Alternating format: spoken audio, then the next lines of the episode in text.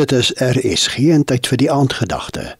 Dit word vanaand aangebied deur Dominee Tarin de Ridder van die Mosaïek Kerk in Randburg. Daar is 'n manier wat dinge gedoen word, of hoe?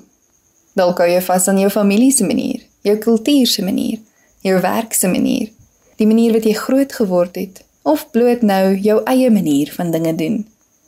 Daar is seker ook 'n manier wat van ons verwag word of vir ons voorgestel word. Maar wat as daar 'n ander manier is, 'n manier wat nie minder doeltreffend of suksesvol is nie, maar wat dalk selfs 'n groter impak kan hê, sonder die skade wat so dikwels met die wêreldse manier gepaard gaan.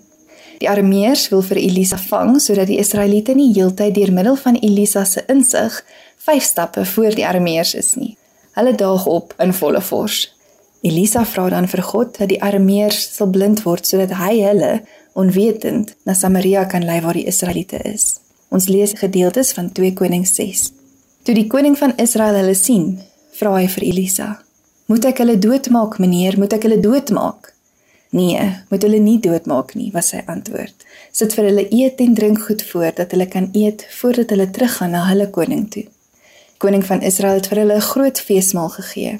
Die bendes van die Arameërs het toe nie weer in die land Israel gekom nie. Hier was die wêreldse manier, die voor die hand liggende manier. Dit sou wees om die vyand net daar te verneweer. Hulle het mos juis gekom om die Israeliete te na te kom. Maar dan sou die res van die Arameërs kom wraak neem, aangevuur, gereed om terug te kry. Winning the battle but losing the war. Die manier wat God na nooi, hou risiko in. Hierdie manne word gevoer en laat gaan. Hulle kan mos terugkom met versterkings. Maar dit is nie wat gebeur nie. Hulle is aangeraak en hulle harte geswaai. Hulle het nie teruggekom nie. Daardie dag se oorlog is gewen sonder dat 'n wapen gelig is. In konfliksituasies, in moeilike gesprekke, in ouerskap, in huwelike, eintlik alle ruimtes van verhouding bou, is dit nie moontlik dat hierdie manier ook vir ons groter vrug lewer nie. Dis nie toegee of passief toelaat dat ons oorgeloop word nie. Dis wys Dis geduldig en liefdevol. Dit vra groter vertroue. Dit vra dat ons oukei okay raak met nie alles self beheer en bepaal nie.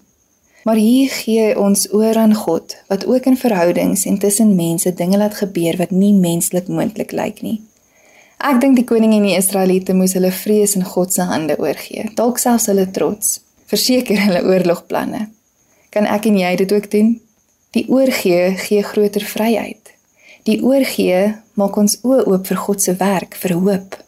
En wie weet, wie mag dalk ons vennote, selfs vriende raak wat aanvanklik ons aardsvyand was.